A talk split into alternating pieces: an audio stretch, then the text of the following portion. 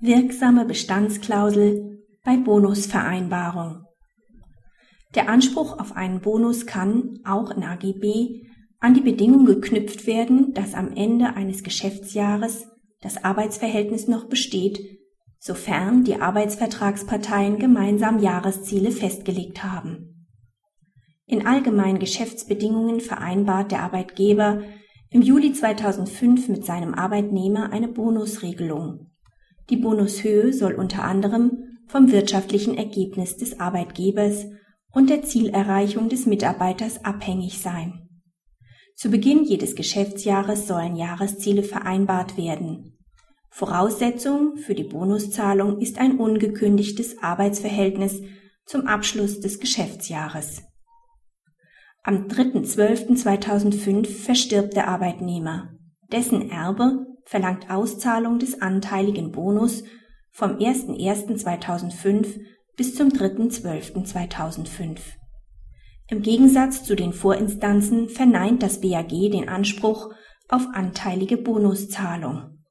Zwar zweifelt das BAG an der Vereinbarkeit der auf ein ungekündigtes Arbeitsverhältnis abstellenden Bestandsklausel mit 307 Absatz 1 Satz 1 BGB da dem Arbeitnehmer auch dann ein wesentlicher Teil seiner Vergütung vorenthalten würde, wenn die Beendigung des Arbeitsverhältnisses nicht in seinem Verantwortungsbereich läge. Letztlich unterbleibt eine negative Entscheidung jedoch, da die Klausel zumindest nach dem Blue Pencil Test teilbar und insoweit wirksam ist, als sie auf den Bestand eines Arbeitsverhältnisses zum Ende der Zielperiode abstellt. Der vereinbarte Stichtag Ende des Geschäftsjahres verstößt nach Ansicht des BAG nicht gegen 307 Absatz 1 Satz 1 BGB, da die Arbeitsvertragsparteien im Rahmen der Zielvereinbarung gemeinsam das Geschäftsjahr als Zielperiode bestimmt haben. Daher ist es interessengerecht, an der Vereinbarung der Parteien festzuhalten.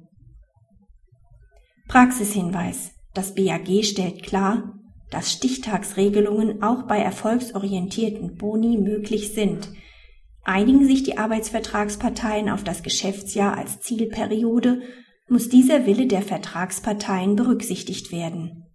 Dies gilt insbesondere dann, wenn für die Höhe des Bonus Parameter wie Zielerreichung und wirtschaftliche Entwicklung des Unternehmens im Geschäftsjahr vereinbart werden, die erst nach Ende des Geschäftsjahres feststehen